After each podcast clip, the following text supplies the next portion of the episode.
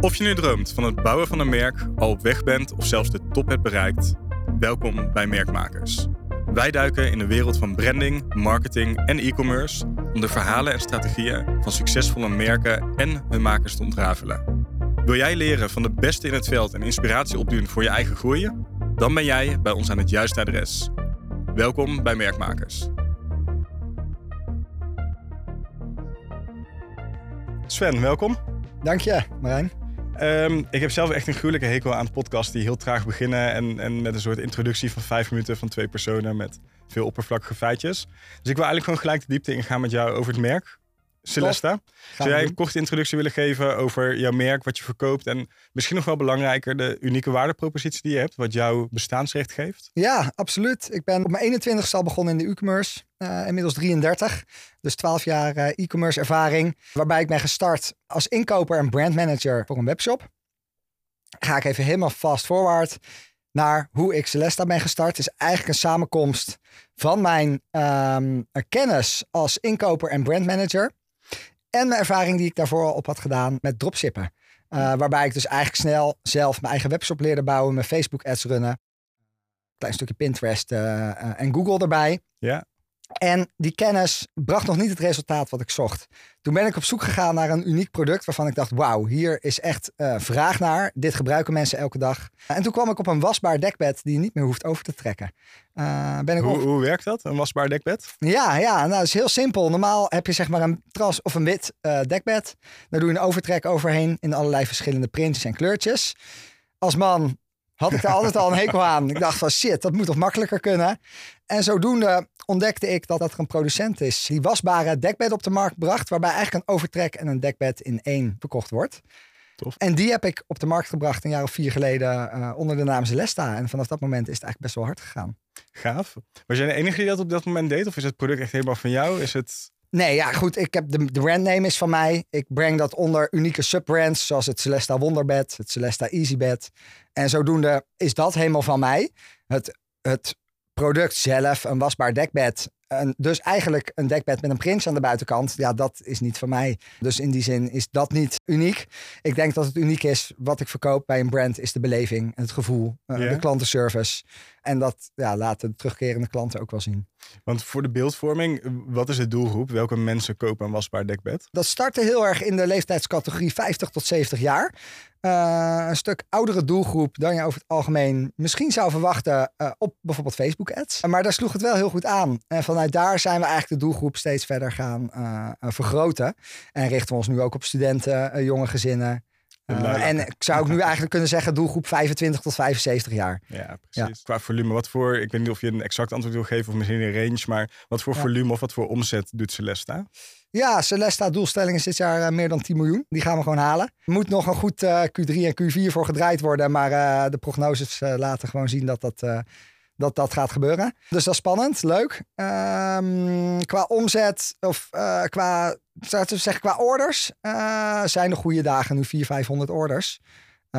waarbij je dus pieken ziet, bijvoorbeeld als je een, een goede sale doet in het weekend waar goede e-mails achter hangen, ja. dat je die pieken bereikt. Uh, als je een steady getal moet noemen, 300, 350 per dag. Gaaf. Ja. Ben je misschien niet de enige, maar ik denk wel een van de grootste in dit speelveld, toch? Of niet? Ja, klopt. Dat denk ik wel. Ik denk dat wij ons echt uh, specifiek richten op het wasbare dekbed. En je ziet natuurlijk, uh, ik denk ook wel grotendeels getriggerd door mijn marketing, uh, dat andere bedrijven in de beddengoedniche daarop in zijn gaan spelen en ook met wasbare dekbed op de markt komen. Ja. Maar ik geloof ook dat er, dat, dat er ruimte is voor iedereen en dat de concurrentie je scherp houdt. Tof. Wat, ja. wat maakt je anders dan je concurrentie? Ik denk dat dat een heel groot stuk zit in het assortiment. Ik denk dat wij sowieso het breedste en grootste assortiment wasbare dekbedden uh, aanbieden.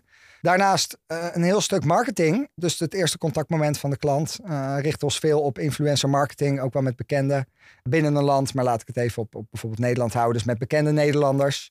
We richten ons op bepaalde doelgroepen binnen ons segment. Dus bijvoorbeeld hele marketingcampagnes op het gebruik van een wasbaar dekbed op de camping. Uh, marketingcampagnes uh, voor jonge gezinnen uh, op platformen zoals Kijk Mama en Mama Plaats. Dat zijn dan ja. bekendere platformen voor moeders. Waar we met blogartikelen bijvoorbeeld marketing doen. En zo ja, geven wij eigenlijk de klant het gevoel, en terecht naar mijn mening, dat, dat Celesta de, het wasbare dekbed in de markt is. Gaaf. Ja. En met succes, want anders zou je ook niet in dit soort volumes en dit soort omzetten zitten. Ja, dat denk ik. Ja, dankjewel. Ja. Wil ik daar ook graag op, op induiken. En, en omdat er, dit ook de eerste aflevering is van de, deze podcast met, met een korte introductie vooraf. Ik wil heel graag in, inzoomen op wat dat succes heeft gemaakt. Waarvan jij ook gelooft van wat zijn nou die stappen. Je noemde er net al een paar hele waardevolle. Maar wat zijn de stappen die je gezet hebt om op dit niveau te komen? Het is niet om hier een soort van circle jerking podcast van te maken. Als in dat ik allemaal vragen stel en jij vertelt hoe fantastisch het is. Want ik denk dat er geen enkel ondernemersverhaal is zonder serieuze tegenslag. Tenminste, ik moet nog de eerste ondernemer tegenkomen die, die in één keer in, een rechte lijn naar succes is gegaan. Dat bestaat niet. Tegelijkertijd is er ook het cliché van, van fouten maken leer je. Waarvan ik zelf heel erg twijfel over de afgelopen jaren eigenlijk als ondernemer. Ik zei het jou ook al eens eerder. In hoeverre is dat nou echt waar? En wat leer je nu echt van fouten? Want hetgene wat je leert is vooral wat niet werkt en wat je niet moet doen. Maar er zijn zoveel wegen naar succes. Er zijn denk ik nog veel meer wegen naar mislukking. En het enige wat je eigenlijk hebt gedaan op het moment dat je van een, een fout hebt gemaakt en, en daarvan leert, is leren welke weg werkt niet. Maar je leert niet welke weg werkt wel. En ik denk het omgekeerde is ook waar. Op het moment dat je naar succes kijkt en zelf succes bereikt, vanaf daar kun je echt een, een hele serieuze groei maken, omdat je dat Ja. kan reproduceren. Het is vaak als je weet, hey, deze weg werkt wel, kun je hem opnieuw bewandelen. Misschien zelfs op een betere of een efficiëntere manier. Ehm, en vanuit dat perspectief wil ik eigenlijk ook heel graag in, in een aantal onderwerpen, een aantal vragen in, in jouw succes gaan duiken.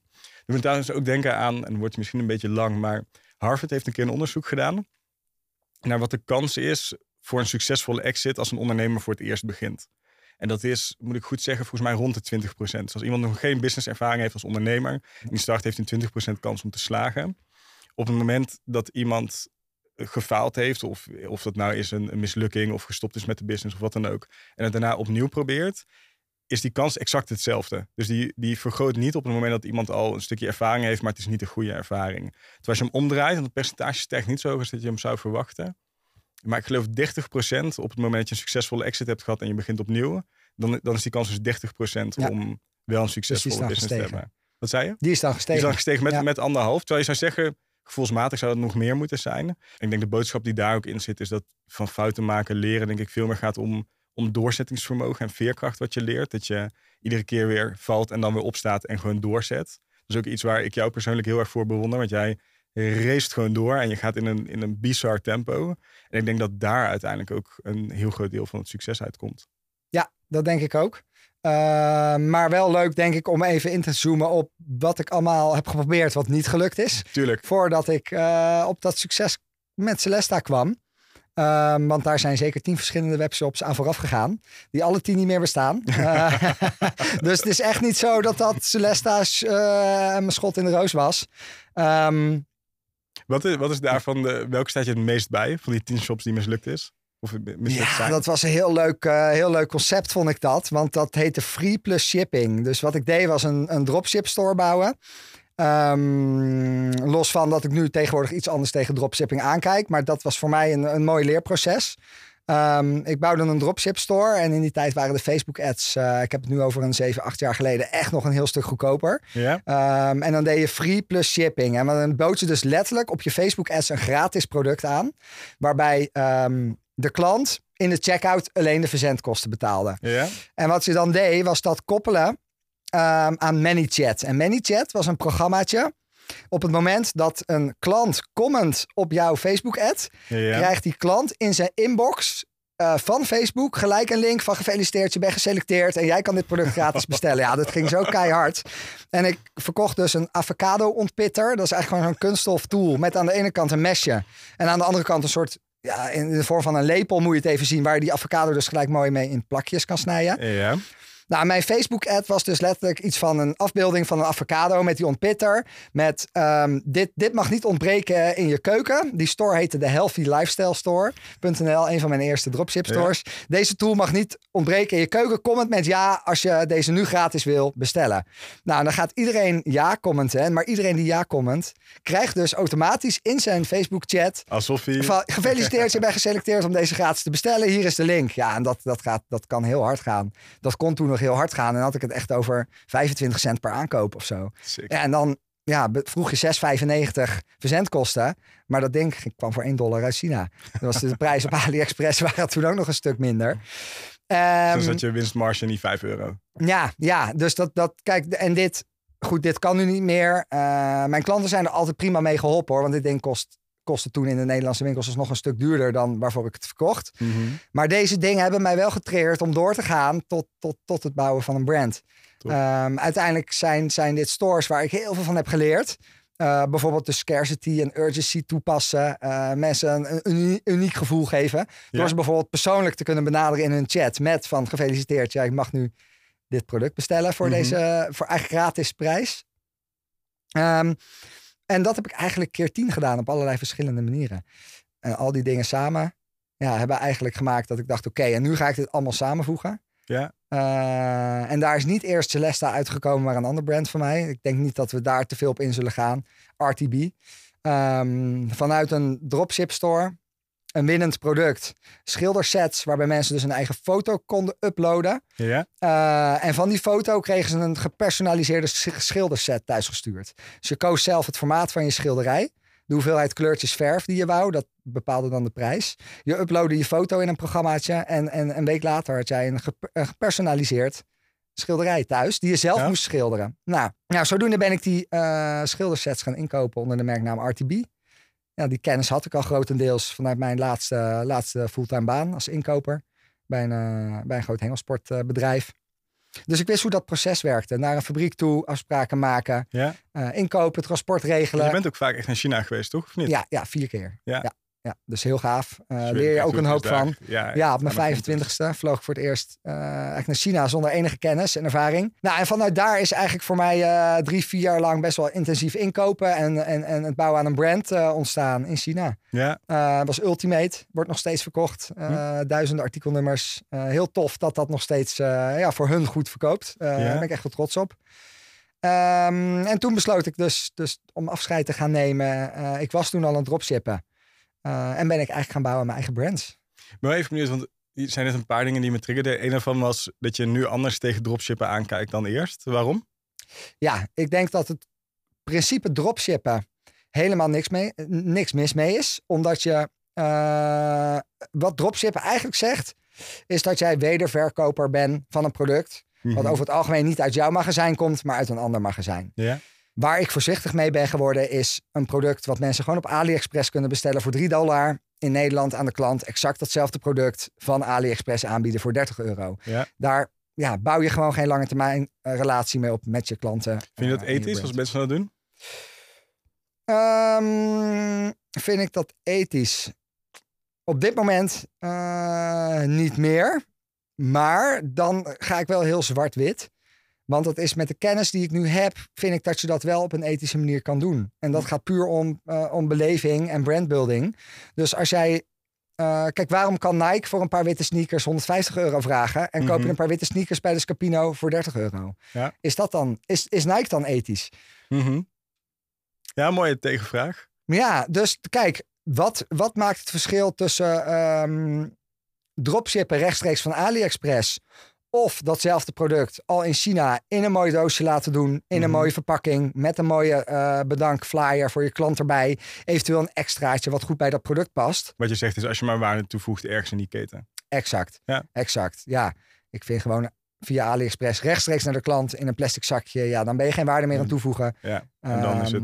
Ja. Ja, ja helder. Ja. Um, jij zei net ook eigenlijk dat, dat die tien webshops die je hebt gehad, dat je daarvan mee hebt genomen wat wel werkte. De scarcity, de directe benadering richting Ja. klanten. Eigenlijk zeg je, ook waar we het net in die intro over hadden, eigenlijk alle onderdelen die wel hebben gewerkt, pak je een soort van mee in een, in een bundel. En daarmee ben je RTB, vervolgens Celesta begonnen. Klopt. Je eens verder uiteen willen zetten, wat maakt volgens jou Celesta zo succesvol? Hoe ben je in, want hoe lang bestaat Celesta nu? Ja, onder de brandname Celesta uh, ruim drie jaar. Ja. Het is daarvoor iets eerder begonnen onder de naam Hero Deckpad. Mm -hmm. um, maar vanwege de snelle groei, internationale uitbreiding, was een pakkende internationale na naam een, een, hele logische keus. Dus er is een rebranding geweest. Dus maar zeg een, een, jaar of vier ben je bezig om vier dit jaar. jaar richting die 10 miljoen te ja. gaan. Wat een ja. bizar snelle groei is. Ja, klopt. Wat heeft ervoor gezorgd? Wat, wat zijn al die dingen die jij mee hebt genomen in, in al die lessen van die 10 shops, waardoor jij nu in één keer in dit tempo naar de maan vliegt? Ik denk dat één visie is. Dus vanaf dag één gewoon van oké, okay, zien dat het hard gaat en echt constant je doelen ongemakkelijk hoog stellen. Wat is ongemakkelijk hoog? Ehm, dat, ja, dat is voor iedereen anders. Dus een leuke Mhm. vraag. Maar, ehm, Wat is voor jou ongemakkelijk hoog? Maar ja, wat is voor mij ongemakkelijk hoog? Dat ik nu... Ja, maar die doelen veranderen constant. Dus, dus, dus die 10 miljoen halen dit jaar is al best ongemakkelijk hoog als je, als je vorig jaar 5 miljoen deed. Ja, absoluut. Dus je verdubbelt hem gewoon. Dus een 100% groei. Ja. En daardoor ehm, constant durven, durven die doelen te stellen. Dus, dus verdubbelen binnen een jaar waarbij je team twee keer zo groot wordt. Ehm, met alle uitdagingen die daarbij komen kijken. En mooie Mhm. dingen. Eh, ja, voelt dat soms wel ongemakkelijk hoog. Dus dat, Dat is cons- consistent verdubbelen. Elk jaar, eigenlijk vier jaar lang. Daar komt het eigenlijk op neer. Ja. Dat is eigenlijk van, van, van 1 naar 2,5 naar 5 naar 10. Mhm. En volgend jaar gaat hij gewoon op 20. Ja, dus dat, Tof. ja, ja, ja, dat zijn een beetje ongemakkelijk hoge doelen stellen. Ik denk ook dat het je forceert om op een andere manier na te denken. In dat opzicht Ja. dat hoor ik ook wel vaak van ondernemers die hoge doelen stellen. Die zeggen ook op het moment dat je het doel op 20% legt, ga je op een hele andere manier nadenken over hoe je ergens komt. Dan wanneer je dat op 100%. Ook al lijkt het in het begin misschien ongemakkelijk, onrealistisch. Het forceert je wel om op een hele andere manier na te denken over investeringen die je maakt, de strategieën die je volgt. Stukje visie, precies Ja. wat jij zegt. Ja, absoluut. Ehm, daarbij komt dat ik ontzettend veel heb geleerd van mijn acht jaar in de e-commerce werken. Ook bij een heel snel groeiend bedrijf. Mhm. Eh, waarbij ik eigenlijk zag waar het daar veel vast op liep was eh, magazijn en magazijncapaciteit. Ja? Dus ik heb bij, eh, bij hun heb ik echt vier, vijf keer een verhuizing meegemaakt. Of een uitbreiding van het bestaande magazijn in, eh, op de locatie waar ze zaten. ja, gewoon omdat het letterlijk niet meer in het magazijn Ja. paste. Dus, dus wat, wat voor mij echt een gamechanger is geweest... om soms zo, zo, pardon, zo snel mogelijk met een fulfillment center te gaan werken. Ja? Ehm, die gewoon de schaalcapaciteit hebben en die dat voor jou uit handen nemen. Ja. Ehm, dus ik, ik, nou, Celesta ligt bij Monta. Ontzettend tevreden over eh, hoe hun dit aanpakken. Ik ga twee keer per jaar daarheen. Mannen, dit zijn de groeiplannen. Hou er rekening mee en, en hun rocken het.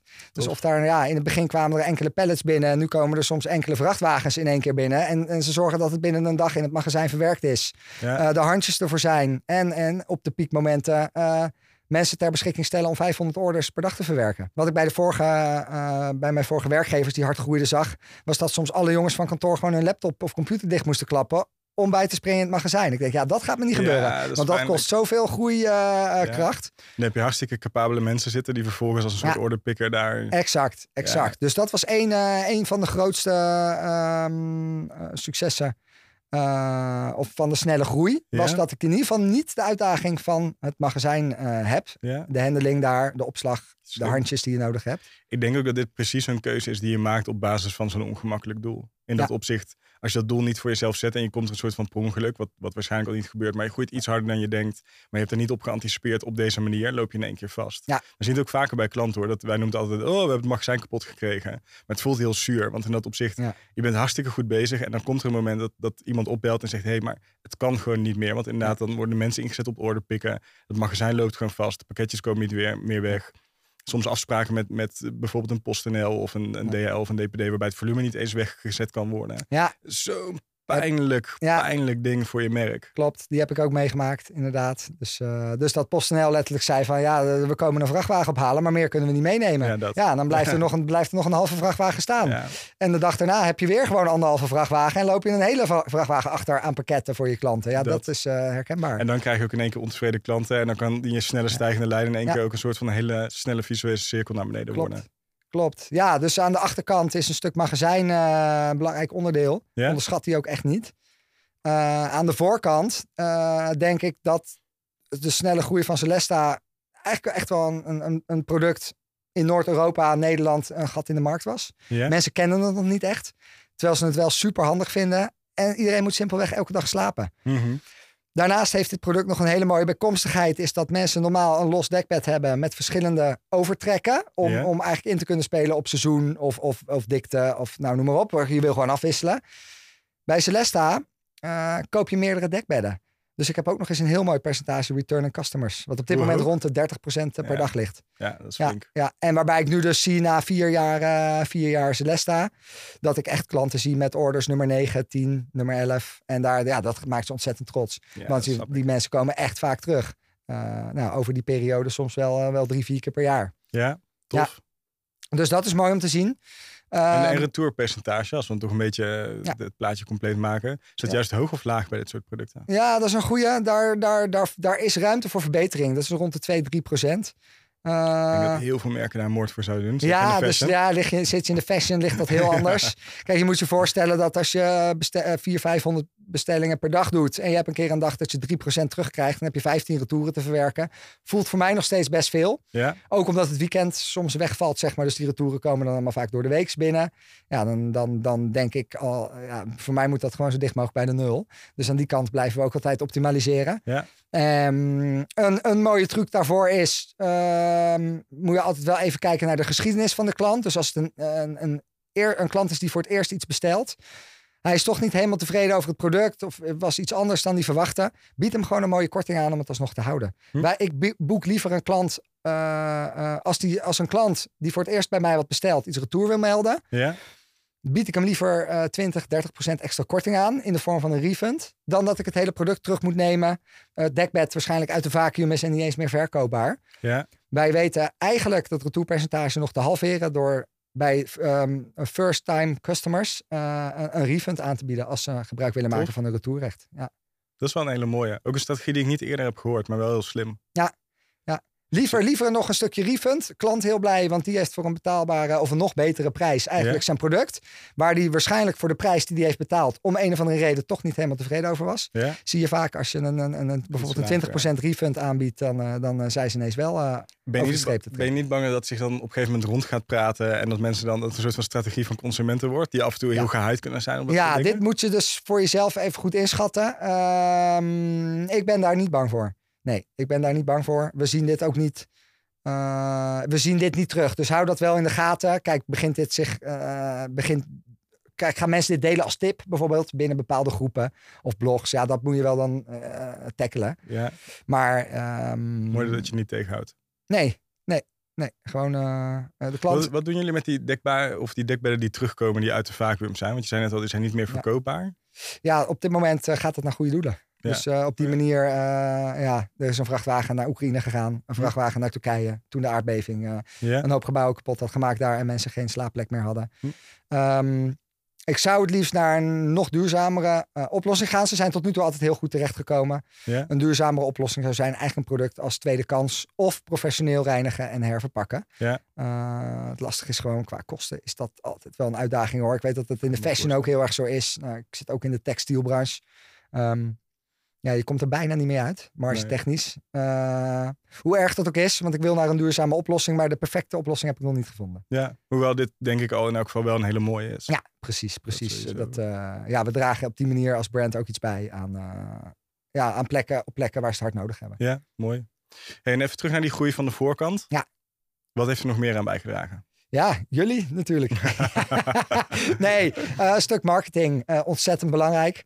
Ehm, ik denk als brand dat het, eh, dat het belangrijk is dat je goede marges draait. Ja, Om je klant ook helemaal tevreden te kunnen stellen. En door goede marges te hanteren, eh, heb je ook groeikapitaal ter beschikking. Ehm, en met groeikapitaal kan je zeg maar productrange uitbreiden. wat, En- wat is jouw definitie van een goede marge? Ja, ik denk dat als je een brand bouwt, ehm, en dit gaat over het algemeen dus over echte makers achter een brand, dan zou een Mhm. product wel vier, vijf keer eh, Over de kop moeten over gaan. de kop moeten gaan. Ja? Ja.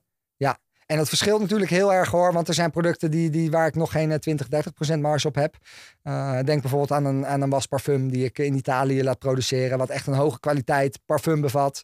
eh, om je was heel lekker te laten ruiken. Mhm. Eh, waar, waar echt die marges niet op zitten. Maar op je, op je hardlopers, waar je, waar, je, waar, je, waar je lifeblad van je business uit moet komen, waar je de salarissen mee betaalt, waar je de marketingkanalen mee Ja. betaalt en, de, en de productontwikkeling, de groei, dus je wil je Mhm. assortiment uitbreiden, ja, zou je toch je product wel, wel minimaal met 300% marge eh, in moeten Moet zetten. wegzetten. Ja, Ja. afhankelijk van je prijsstelling hoor.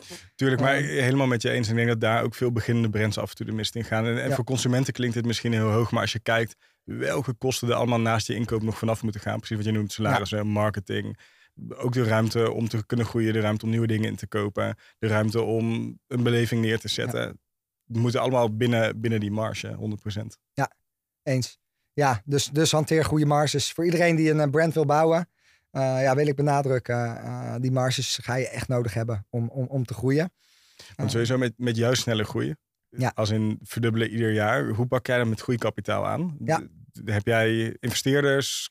Wordt Nee. extern geld geregeld? Hoe... Ja, wel een stukje, stukje. Ja, er zijn eigenlijk twee manieren waar ik nu ehm, gebruik van maak om, om die snelle groei te kunnen realiseren. Want je moet je voorstellen, eh, de business loopt goed.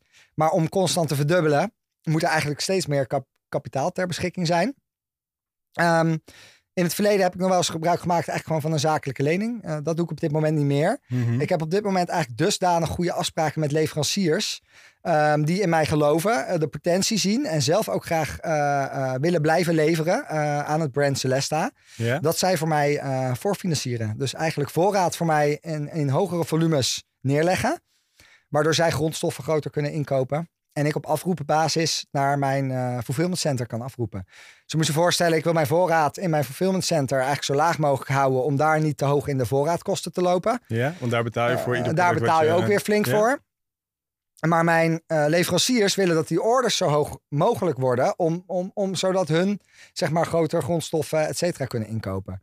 Nou, wat we bijvoorbeeld eh, met, met een leverancier doen, wat ik heel erg waardeer, is dat die een aantal ton kapitaal voor mij heeft vrijgemaakt. Om in zijn magazijn eh, groter neer te kunnen leggen. Die ik in kleinere volumes wekelijks of maandelijks kan afroepen. En dan betaal je ze ook op het moment dat je afroept pas aan hun. Exact, exact. Dus op het moment dat ik afroep, eh, krijg ik een factuur. Nou goed, en zo'n factuur kan dan ook wel weer een betalingstermijn over afgesproken worden. Ja? Ehm, dus dit is iets wat je niet vanaf dag één gerealiseerd krijgt. Of je moet met zo'n goed plan komen en dan mogelijk investeerders achter je met, met, met een goede naam. Dan, dan zou dat kunnen.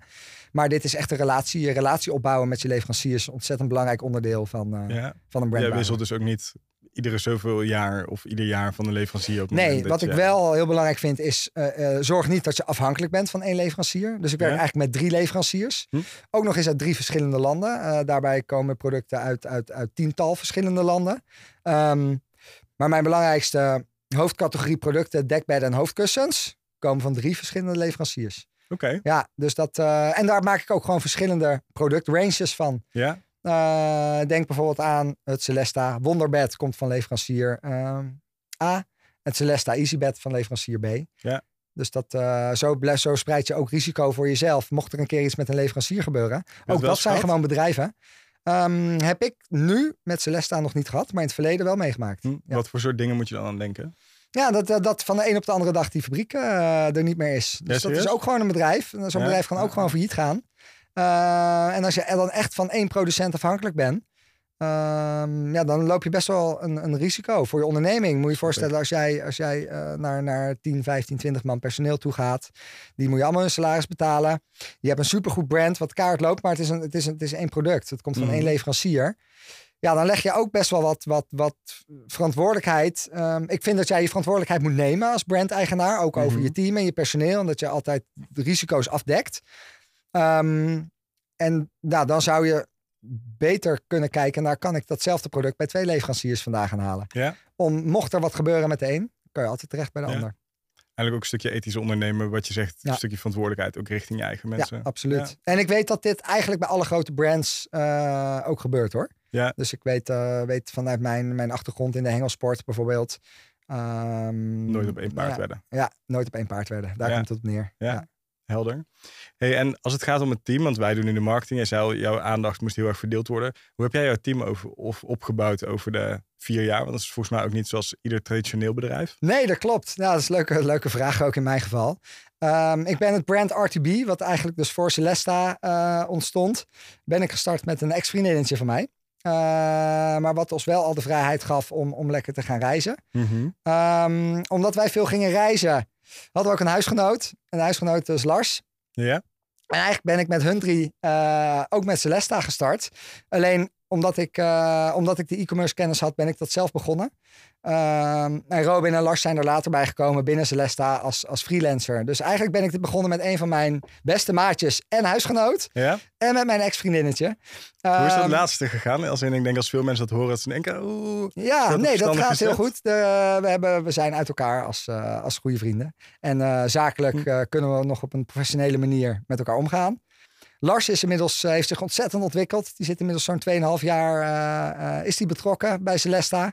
En is inmiddels, ja, mag zich eigenlijk wel COO noemen. manager van de dagelijkse operatie. Is altijd op kantoor aanwezig met een gedeelte van het team. En dat doet hij hartstikke goed. Dus dat is, de, dat is de jongen die echt de kar trekt. Intern, aanspreekpunt voor iedereen. Ja. Waar ik wat meer de visie en koers bepaal. Als eigenaar is hij echt de man van de werkvloer. En uh, gaat als beste vrienden, beste maatjes, uh, gaat dat ontzettend goed. Ja? Ja. Wat is daarvoor het, het geheim in dat opzicht? Ik denk, je wordt doodgegooid met, met het clichétje niet met vrienden of familie moet Ja. ondernemen. Je hebt Ja. daar duidelijk een, een andere ervaring mee. Absoluut. Vertrouwen. Ja? Vertrouwen. Ja, ja, ja. Lars ken ik al sinds ik uh, 12 was. En um, ik denk een jongen die, die altijd voor je klaar staat, uh, uh, doorgaat s'avonds als het nodig is, in het weekend zijn laptop erbij pakt. Uh, dan moet je zo committed zijn aan, aan het bedrijf. En dat is die ook echt. En daar ligt een mooie, mooie toekomst voor hem klaar. Hij ontwikkelt zich ontzettend, leert ontzettend veel van de e-commerce. Nog elke dag zie ik hem groeien. Ja? Um, en dat is helemaal gebaseerd op vertrouwen. Hm. Ja. Hoe ga je met die, die rolverdeling om dat je op sommige momenten beste vriend bent, maar op andere momenten ook dan de baas of de eigenaar of Ja, leidinggever? ik net hoe je mezelf nooit noemen? als baas willen zien. Ik Uh, nee, nee, Zou nee. Wel als, niet wel, snel neerzetten? nee, maar- wel als werkgever uh, ja, en, en, en leider. Dus een voorbeeld zijn. Dus, dus uh, hoe zie ik dat? Ja, professioneel en zakelijk en privé gescheiden houden. Maar juist uh, het stukje waar denk ik mensen bang voor zijn. Dus je vriendschap op het spel zetten. Omdat je zakelijk bijvoorbeeld een keer een, een conflict hebt. Ja?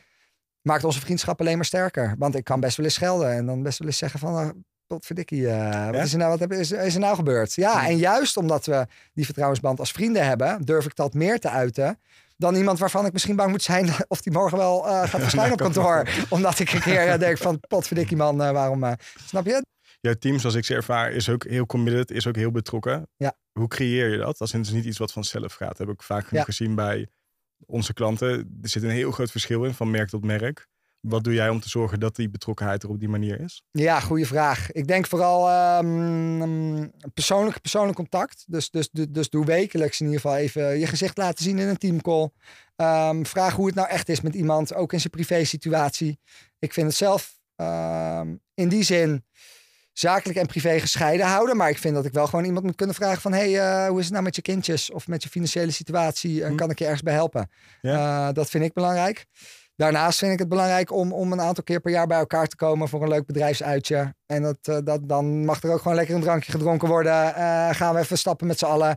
Uh, worden er een paar flessen bubbels opengetrokken. Worden we een keer bij wijze van spreken dronken met z'n allen. Ook dat. Ik denk niet bij wijze van spreken. nee, niet bij wijze van spreken, dat klopt. Maar ook dat is belangrijk. Ja, en ik denk dat we um, daarmee een beetje een gevoel van vrienden creëren. Ja. Dus zo voel ik het zelf in ieder geval als, als werkgever. Dat we gewoon met, met een groep vrienden wat leuks aan het neerzetten zijn. Waarbij um, ik het heel belangrijk vind dat het, dat ik, want er zijn freelancers die eigenlijk zelden op kantoor zijn, maar wel heel betrokken bij de organisatie. En ja, dan kom ik een beetje op mijn kernwaarden. En dat is echt, echt vertrouwen, vrijheid en verantwoordelijkheid. Hm. Dus, dus is het vertrouwen wederzijds, dan krijg je alle vrijheid, maar neem daar wel je verantwoordelijkheid in. En wat als iemand er niet aan voldoet? Als iemand daar een keer met de pet naar gooit, Ja. op een structurele wijze, niet, niet een keertje Ja, misstap maakt, maar is dan ook gewoon in één keer klaar? ja, ja, nou ja, dat wil ik niet zeggen. Ik heb dit nog niet meegemaakt. Uh, Ik heb dit nog niet eerder hoeven doen. Zegt Um, ook wel iets. Ja, dus, dat, dus ik denk dat de- deze situatie zal in de toekomst vast een keer gaan, gaan plaatsvinden. Ja? Ehm, maar ik geloof wel in het gesprek aangaan met iemand. Dus Ja? dus ja, ja ik geloof wel dat eh, door de juiste vragen te stellen en te kijken wat iemand nodig heeft, eh, waarom dit ontstaat. Ehm, misschien zit zo iemand dan niet op zijn plek en heeft hij zich anders voorgedaan tijdens een sollicitatie. Hm. Of hebben wij verkeerde verwachtingen geschept van zijn functie en kunnen wij niet naar waarmaken waar zo'n persoon naar op zoek is. Dat je dat dan open met elkaar bespreekt. En ja, ik denk als je open naar elkaar bent, ehm je uiteindelijk dan gewoon of de wegen scheidt of kijkt naar een nieuwe functieprofiel. Binnen- eh, dat iemand wel gelukkig is binnen de organisatie. Ja, precies. Als je nu opnieuw een merk op zou zetten, Ja. wat zou het eerste zijn waar je aan zou werken? Wat zou je allereerste stap zijn? Dan zou ik niet met een fysiek product werken. Nee? Nee, nee. Ik denk niet dat het dan nog een merk wordt voor een fysiek product. Maar dan zou ik voor een eh, digitaal product gaan. Als in cursus, leeromgeving? eh, Ja, ik denk het wel. Ja, Ja? ja, Een beetje die ja, richting ja, in. ik denk het wel. En dat hoeft niet eens per se. ehm, Ja, ik, ik, ik, ik hou wel echt van de e-commerce. Mhm. Ik hou echt van de e-commerce space en de data en de, en de, en de marketing. Maar- En Maar, Ja, ik denk dat er wel uh, businessmodellen nu, nu, nu bovenuit steken. Dan, je hm. ziet gewoon dat in die ehm, in de e-commerce space stijgende advertentiekosten, uh, stijgende overheadkosten. Um, ik ben benieuwd hoe zich dat de komende jaren gaat ontwikkelen. Ja. Um, er komen ook steeds nieuwe kansen bij. Dus, dus kijk naar een TikTok bijvoorbeeld, een vrij jong kanaal, uh, waar dan ineens weer enorme kansen liggen. Um, maar ik denk qua omslachtigheid van een e-commerce brand, ja. dat, er, dat er wel betere businessmodellen zijn. Ja. Uh, dus dan zou ik, zou ik zelf, denk ik, want ik heb inmiddels de drie e-commerce brands.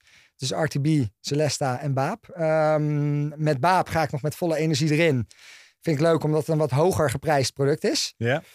Maar de volgende stap wordt wel een digitaal product. en ik denk eigenlijk uh, kennis delen. En dat is ook achter de schermen al, uh, al in gang gezet. Ja. Ik denk ook dat, dat sorry. Ik denk ook dat heel veel mensen naar e-commerce kijken als best een eenvoudig model. Een soort van, soort van je, je stopt een product in een doos en je verstuurt het. Ja. Maar wat jij zegt, het is qua businessmodel echt by far niet de makkelijkste. Nee, nee, nee, nee. Wel eh, voor mij een hele leuke waar ik dagelijks heel veel energie van krijg. Dus uh, ik zal dit uh, de, de komende jaren zeker nog blijven doen. Daar ben ik van overtuigd. Maar de volgende um, stap wordt iets anders. Ja, met Celeste heb ik bijvoorbeeld ook de keuze gemaakt om heel erg de breedte in te gaan. Uh, omdat daar wel een, een, visie en een doel is om gewoon... Celesta wordt gewoon een bekend slaapbrand in heel Europa. Mm -hmm. Ik wil gewoon elk land veroveren. Met, met TZT, winkelketens, nou noem maar op. Um, dat, die, die persoonlijke uitdaging ben ik gewoon gestart en aangegaan. En ik stop niet tot die, uh, tot die er gelukt is. Maar of ik dat dan nog een keer met een brand zou doen. Baap, mijn meest recente brand. Waar, nu, uh, waar we eigenlijk nog in de start-up fase zitten. Blijft denk ik veel simpeler. Eigenlijk één product. Een aantal varianten of kleuren. En wat is iets wat je dan met Baap niet gaat doen, wat je met Celeste wel hebt gedaan? Is iets waarvan je nu zegt, met de ja. kennis van nu, is dit iets wat ik oversla met Baap? Is dit iets wat ik, waar ik geen energie in ga steken? Goeie vraag. Uh, goeie vraag. Waar heb ik bij Celeste energie in gestoken wat ik bij Baap niet zou doen? Ja, ik zou, um, ik zou het met Baap niet anders doen. Mm -hmm. Maar ik zou me eerder blijven focussen op de groei binnen het product wat ik al heb. Dan zoeken naar groeien met meer producten. Hm. Zou ja, dus ik zou ja, smaller, smaller, meer focus. Ja, meer. Waarom? Uh, vanwege de voorraad- en cashflow uitdaging. Die erbij komt ja. kijken om je assortiment snel breed te maken. Wat is de grootste uitdaging die je nu nog met Celeste hebt voor de komende periode? Voorraad. Ja? Ja, ja. constant zoeken naar opschalen, genoeg voorraad, opschalen, genoeg voorraad. En dat is dan vooral met je leveranciers kijken naar hoe zij ja, je maakt dus, ja, ja, je moet wel planningen maken die, die, die toch wel uh, drie tot zes maanden uh, vooruit gaan. Waarbij het, ja, stel je voor wat, wat ik nu draai gaat in eind dit jaar zou nog moeten verdubbelen qua omzet. Dan ga je nu eigenlijk inkopen uh, op volumes die nog best wel spannend zijn. Ja. En, maar je moet het wel doen, want je hebt het wel nodig. Want je prognoses en alles laten zien van... hé, hey, het is groen licht, dit gaat er gebeuren. Um, maar je moet het wel waarmaken. Dus, dus voorraad blijft een, blijft een spannende uitdaging, ja. Hoe ga je met die spanningen om? Uh, goed. Relaxed. Uh, meditatie, yoga. Um, mijn rust steeds meer pakken. Hm. Sporten. Gewoon ja. goed voor jezelf zorgen en daarmee... Ja. Ja. ja, ik kan, ja, in die zin kan ik dat best wel goed loslaten. Ja, ja. Tof. Alright. Hey, we hadden een kleine Q&A van tevoren gemaakt via jouw Instagram. Ja. Hey, een van de vragen die we ook, uh, ook kregen was... welk merk is een voorbeeld voor je? En tegen wie kijk je op? Ja, als ik uh, een merk mag noemen is dat absoluut Rituals. Ontzettend, uh, ontzettend sterk merk. Ontzettend hard gegroeid ook. gezond bedrijf als je kijkt naar de cijfers. Um, maar ik kijk ook heel erg op tegen bedrijven die niet per se een merk zijn, maar wat ik wel als een merk zie. En dan uh, noem ik toch weer even Coolblue. Um, ik denk namelijk dat een merk bouwen niet per se altijd gerelateerd hoeft te zijn aan een product. Maar dat dat ook de naam van het bedrijf kan zijn. Wat yeah. mensen ja, refereren aan eigen merk. Ik zie Coolblue bijna als een merk, maar het is geen merk op zich. Nee. Um, wat zij denk ik ook wel uniek en heel goed gedaan hebben. Sowieso. Ja, ja, want hun verkopen gewoon allerlei andere merken. Maar onder hun merknaam, Coolblue. Uh, en dat, dat, die staat als een huis natuurlijk in de, in de Nederlandse markt. Um, en daar kijk ik ook ontzettend tegenop. Ja, ja. ja, is echt wel een voorbeeld voor me. Alright. Ja. Tweede vraag. Waarom werk je met een agency voor de marketing? En hoe zorg je dat het elkaar perfect aanvult? Ja. Zou haast zijn alsof ik deze vraag gesteld heb. Maar... Ja, ja leuke, leuke maar goede vraag. Hij komt echt van jouw Instagram. Ja, nou, ik, ik, ik kan dat eigenlijk heel kort, ehm, ja, heel kort toelichten. Kijk, je hebt ontzettend veel kennis in huis.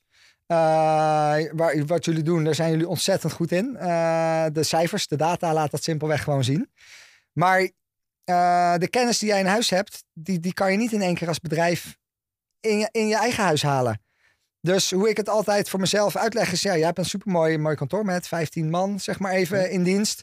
Uh, de kracht van een agency is juist dat je voor een vrij gering bedrag kennis kan kennis kan kopen van 15 verschillende specialisten. Ja. Maar ga jij maar eens 15 specialisten in dienst nemen. Dan ben je in één keer. Ja, ja. Dat is een mooi, mooi perspectief, omdat ik denk dat agencies vaak als juist duur worden gezien. Jij noemt het grappig genoeg een gering bedrag. Ja. En vanuit dit perspectief klopt dat denk ik ook. Op het moment dat je het zo ziet, dan, dan inderdaad voor het bedrag waarvoor je een agency inhuurt, kun je zelf misschien nou, afhankelijk van hoe groot je bent, met tussen de 1, 2, misschien drie mensen aannemen. Ja. Dan houdt het meestal wel op als je kijkt naar een agency fee. Maar inderdaad, dan, dan mist er, missen er nog twaalf mensen. Ja, ik denk als jij een goede, goede, goed team hebt waar ik alle vertrouwen in heb, de meeste heb ik ook wel eens ontmoet, dan, dan heb jij gewoon een hoop knappe koppen die allemaal een stukje bijdragen aan de groei van, in dit geval, mijn brand. Ja. Um, Waarbij ik als, ik die, als ik die kennis zelf in huis zou moeten halen, dat kan helemaal niet uit voor het bedrag wat ik jou maandelijks betaal. Ja, en ben je misschien ook nog langer mee bezig in dat opzicht dat je die weer moet zoeken. exact, ja, exact. En ik weet ook, waar ik ontzettend veel vertrouwen in heb, is de structuur en de, en de, de, tools die jij je team biedt, uh, die jij in huis hebt staan, waar jij hard en lang aan hebt gewerkt. Ja, uh, ja daar zit gewoon een hele hoop liefde, energie en, en, en kennis in, wat je ook echt terugziet als je, als je bij jou op kantoor bent. Ja, dus uh, ja, ja. En, en het tweede deel van die vraag was: hoe, hoe ga je zo'n samenwerking aan? En hoe vul je elkaar aan? Hoe manage je, je een agency? Ja, dat is een goede. Um, ehm, nou, even, even heel simpel. In de basis is dat bij ons communicatie via Slack. Ik denk dat management, uh, een heel belangrijk onderdeel van management is communicatie. Gestructureerde communicatie. En uh, ik vind Slack, uh, het gebruik daarvan, een hele handige tool. Um, daarnaast zijn wij natuurlijk wel verantwoordelijk voor het aanleveren van uh, jullie helpen daar heel goed in mee hoor. Met hele goede adviezen mhm. en tips en, en edits ook uh, regelmatig. Maar zijn wij verantwoordelijk voor het aanleveren van goed materiaal. Ja. Uh, dus wij zijn intern constant, constant op zoek naar welke marketing gaan we nu weer testen. Welke tijd van het jaar. Nou, het is nu zomer. Dus richten we ons uh, met, op video's met voorkom bijvoorbeeld nachtelijk transpireren. Probeer eens een verkoelend hoofdkussen. Um, en door ja, die samenwerking, de input vanuit jullie naar ons en de input van ons naar jullie. Ja, is het eigenlijk 1 plus 1 is, nou even cliché 10. Ja, ja, ja. ja. En zo ja, komen we samen echt tot een, tot een killer team ja. op, uh, op marketinggebied. Ja. Tof. Alright, ik, ik denk ook wel een mooi inzicht daarin.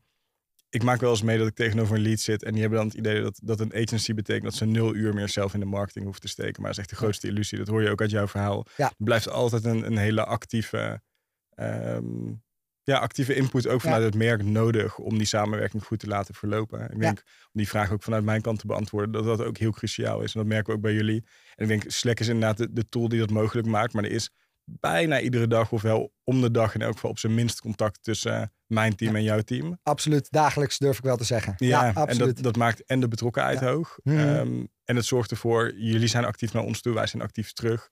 En, en dat, dat versterkt elkaar ook alleen maar. En ik denk dat het een heel cruciaal onderdeel ook is om om uiteindelijk te komen tot de plek waar we nu, wat jij het killer team noemt. Ja, absoluut, absoluut. En wat jij noemt is dat veel mensen denken van, oké, je, je, je, maakt een aantal marketingvideo's en je zet ze op Facebook en het blijft altijd uh, gaan. Nee, ja, zo werkt het helaas zou niet. mooi zijn, hè? Nee, nee, je zou constant moeten blijven vernieuwen. Ja. Uh, inspelen op trends in de markt, inspelen op jaargetijden, uh, inspelen op periodes zoals kerst, um, Black Friday, Cyber Monday. Um, dus je, je, je, blijft aan twee kanten constant uh, schakelen. En, en, en ja, tegenwoordig met pla platformen als TikTok zie je ook dat het mega content consuming is. Dus een, een, een, een goede advertentievideo, ja, die, die gaat misschien hooguit een keer twee weken mee, maar dan zie je de resultaten gewoon afnemen. Ja. Um, omdat zo'n platform constant wil dat er nieuwe content geplaatst wordt. Uh, er zit ook een mooie les in. Ik denk dat niet de halve brands vaak genoeg hun content verwisselen. Nee, absoluut, absoluut. Dat is ook bij ons uh, intern nog steeds. Uh, nou, uitdaging wil ik niet zeggen, want ik denk dat we het best wel goed op de rit hebben momenteel. Maar ja, bij, je wil eigenlijk bij wijze van spreken elke, elke maand echt wel een flinke batch nieuw advertentiemateriaal. In de vorm van verschillende foto's, verschillende video's, inspelend op verschillende angles. Want zeker platformen als TikTok, die willen gewoon uh, nieuwe content. Die willen constant gevoerd worden. Uh, gevoerd worden. En hoe meer jij uh, dat voert, hoe beter je resultaten. Absoluut. Dus dat heb je uiteindelijk dan zelf als, als ondernemer en team in de hand. Laatste vraag. Ehm, hoe heb je je product gevonden wat aanslaat? Nou, heel simpel. Uh, ik ben al heel lang dus bezig met winnende producten zoeken en dropshippen. En, en dus je moet weten, als nu ik dit vertel, daar is een traject van drie jaar aan vooraf gegaan. Maar heel simpel, Amazon Duitsland. Daar kwam ik een wasbaar dekbed tegen. Uh, ik ben de reviews gaan lezen. Mensen waren er helemaal weg van. Hm? En toen ben ik onderzoek gaan doen in de Nederlandse markt. En toen dacht ik, hé, hey, dit wordt hier helemaal nog niet aangeboden. Ik heb hier nog nooit een goede advertentievideo van gezien. Ik ben op zoek gegaan naar een leverancier. Ik gooi mijn eerste advertenties live en toen zag ik gelijk, ja, ROAS van 10. Ja, dit, uh, dit is hem, jongens. Dit, gaat hem, dit gaat hem worden de komende jaren. En daar is uh, Celeste uit ontstaan. Dus, Tof. Laatste, toch nog één laatste vraag vanuit mijn kant. Want dat is iets wat, wat we gepasseerd hebben in het, in het afgelopen drie kwartier. Ja. Dat jij niet alleen in Nederland meer verkoopt. Je bent in Nederland begonnen. Ja. Vanuit daar ben je uitgebreid naar onder andere Duitsland. Ja. Wat zijn daar misschien de twee belangrijkste lessen uit? Want Duitsland is niet een makkelijke markt. Het is heel anders dan Nederland. Ja, ja als ik dat... Uh, ik ben best wel snel opgeschaald eigenlijk van Nederland en België naar een Duitse store, maar Oostenrijk en Zwitserland bij horen. Een Zweedse store en een Franse store. Nou staan de Zweedse en de Franse store op een wat lager pitje, omdat ik merkte dat er nog zoveel winst te behalen viel in de markten Nederland en Duitsland. Met bijbehorende landen daaromheen, dus, dus uh, even taalgebaseerd. Um, en wat ik daarin aan wil geven is, ik zou misschien nog wel langer focussen op één land. En je daar echt, echt hard in de markt zetten. En dan pas de overstap maken naar een ander land. Waarbij je heel goed marktonderzoek doet naar wat er in dat land speelt binnen jouw niche. En je echt profileren als een merk wat in dat land is ontstaan of daar echt zit. Ik zie nog bij zoveel merken terug dat je er heel makkelijk uitpikt van ze proberen het wel in Duitsland, maar het is zo duidelijk dat het eigenlijk een Nederlands bedrijf is. Of het is een Duits bedrijf wat het in Nederland probeert. Terwijl er echt wel eh, binnen een land bepaalde regels gelden uh, op e-commerce gebied, um, bepaalde review widgets, Zoals uh, Trustpilot in Nederland heel bekend is, maar uh, Trusted Shops in Duitsland heel groot is. Um, in Nederland zet ze het euroteken voor je bedrag. Maar in Duitsland hoort het euroteken aan de achterkant van je prijs. Mhm. Ja, dit soort dingetjes. Ja, maar het zijn de kleine details die wat dat betreft heel hard tellen. Ja, ja, ja. en dat, dat zijn dingen die veel mensen niet weten. Maar doe hier heel goed onderzoek naar. Voordat je, je live gaat. jouw klantenservice echt Duits native taal, website vertaald naar Duits native. Ja, ja, ik heb een bijzondere situatie waar we veel tijd en energie in hebben gestoken. Is dat we eigenlijk Duitse medewerkers hebben die uh, eh, 25 jaar in Duitsland wonen en hebben gewerkt, maar in Nederland zijn opgegroeid. Dat is een moeder en een dochter. Hm? Uh, Inge en Nadia ben ik uh, ja, ontzettend blij mee. Echt toppers. Dus die nemen zowel in het Nederlands als het Duits de klantenservice op zich. Dus zowel de mailtjes als de belletjes, ja. als de social media kanalen kunnen zij uh, tweetalig beantwoorden. Dat is een gouden fonds. Ja, daarnaast hebben we Karijn in Zweden. Hetzelfde verhaal. Woont al twintig jaar in Zweden. Heeft een Zweedse man. Maar spreekt dus hartstikke goed Zweeds. Schrijft hartstikke goed Zweeds. Is eigenlijk na twintig jaar daar wonen volledig Zweeds. Maar ze is in Nederland opgegroeid. Dus zo, ja, dat zijn de pareltjes. Maar waar, waar je dus wel mee in je eigen taal kan communiceren. Dingen echt goed kan uitleggen. Slim. Maar nou zeg voor 99% native uh, medewerkers hebben in het land zelf. Ja, ja. tof. Dus, uh, ja, ja, ja, dus zodoende uh, inderdaad zorg dat je customer service op zijn minst wordt opgepakt door iemand met zo'n achtergrond. Het liefst gewoon iemand die daar echt woont en alles kent en in zijn ouds van het land. Vaak heb je zelfs met gebruik van bepaalde woorden al um, dat je binnen een bepaalde niche ja, kunnen echt wel specifieke woorden gebruikt worden die heel anders uit vertaalmachines komen, bijvoorbeeld tijdens Ja, 100%. Mooi. Hey, daarmee gaan we de Q&A afsluiten en komen we ook op het einde van dit deel van, uh, van de podcast. Ja. Ik wil je heel erg bedanken. Yes, jij bedankt uh, Marijn. Leuk. Bedankt voor het luisteren. In de volgende aflevering gaan we door met het persoonlijke verhaal van deze merkmaker. Heb je waardevolle inzichten gekregen? Ben je geïnspireerd? Of heb je gewoon genoten van het gesprek? Overweeg dan om ons een beoordeling te geven en ons te volgen via jouw favoriete podcast-app, zodat je geen enkele aflevering mist.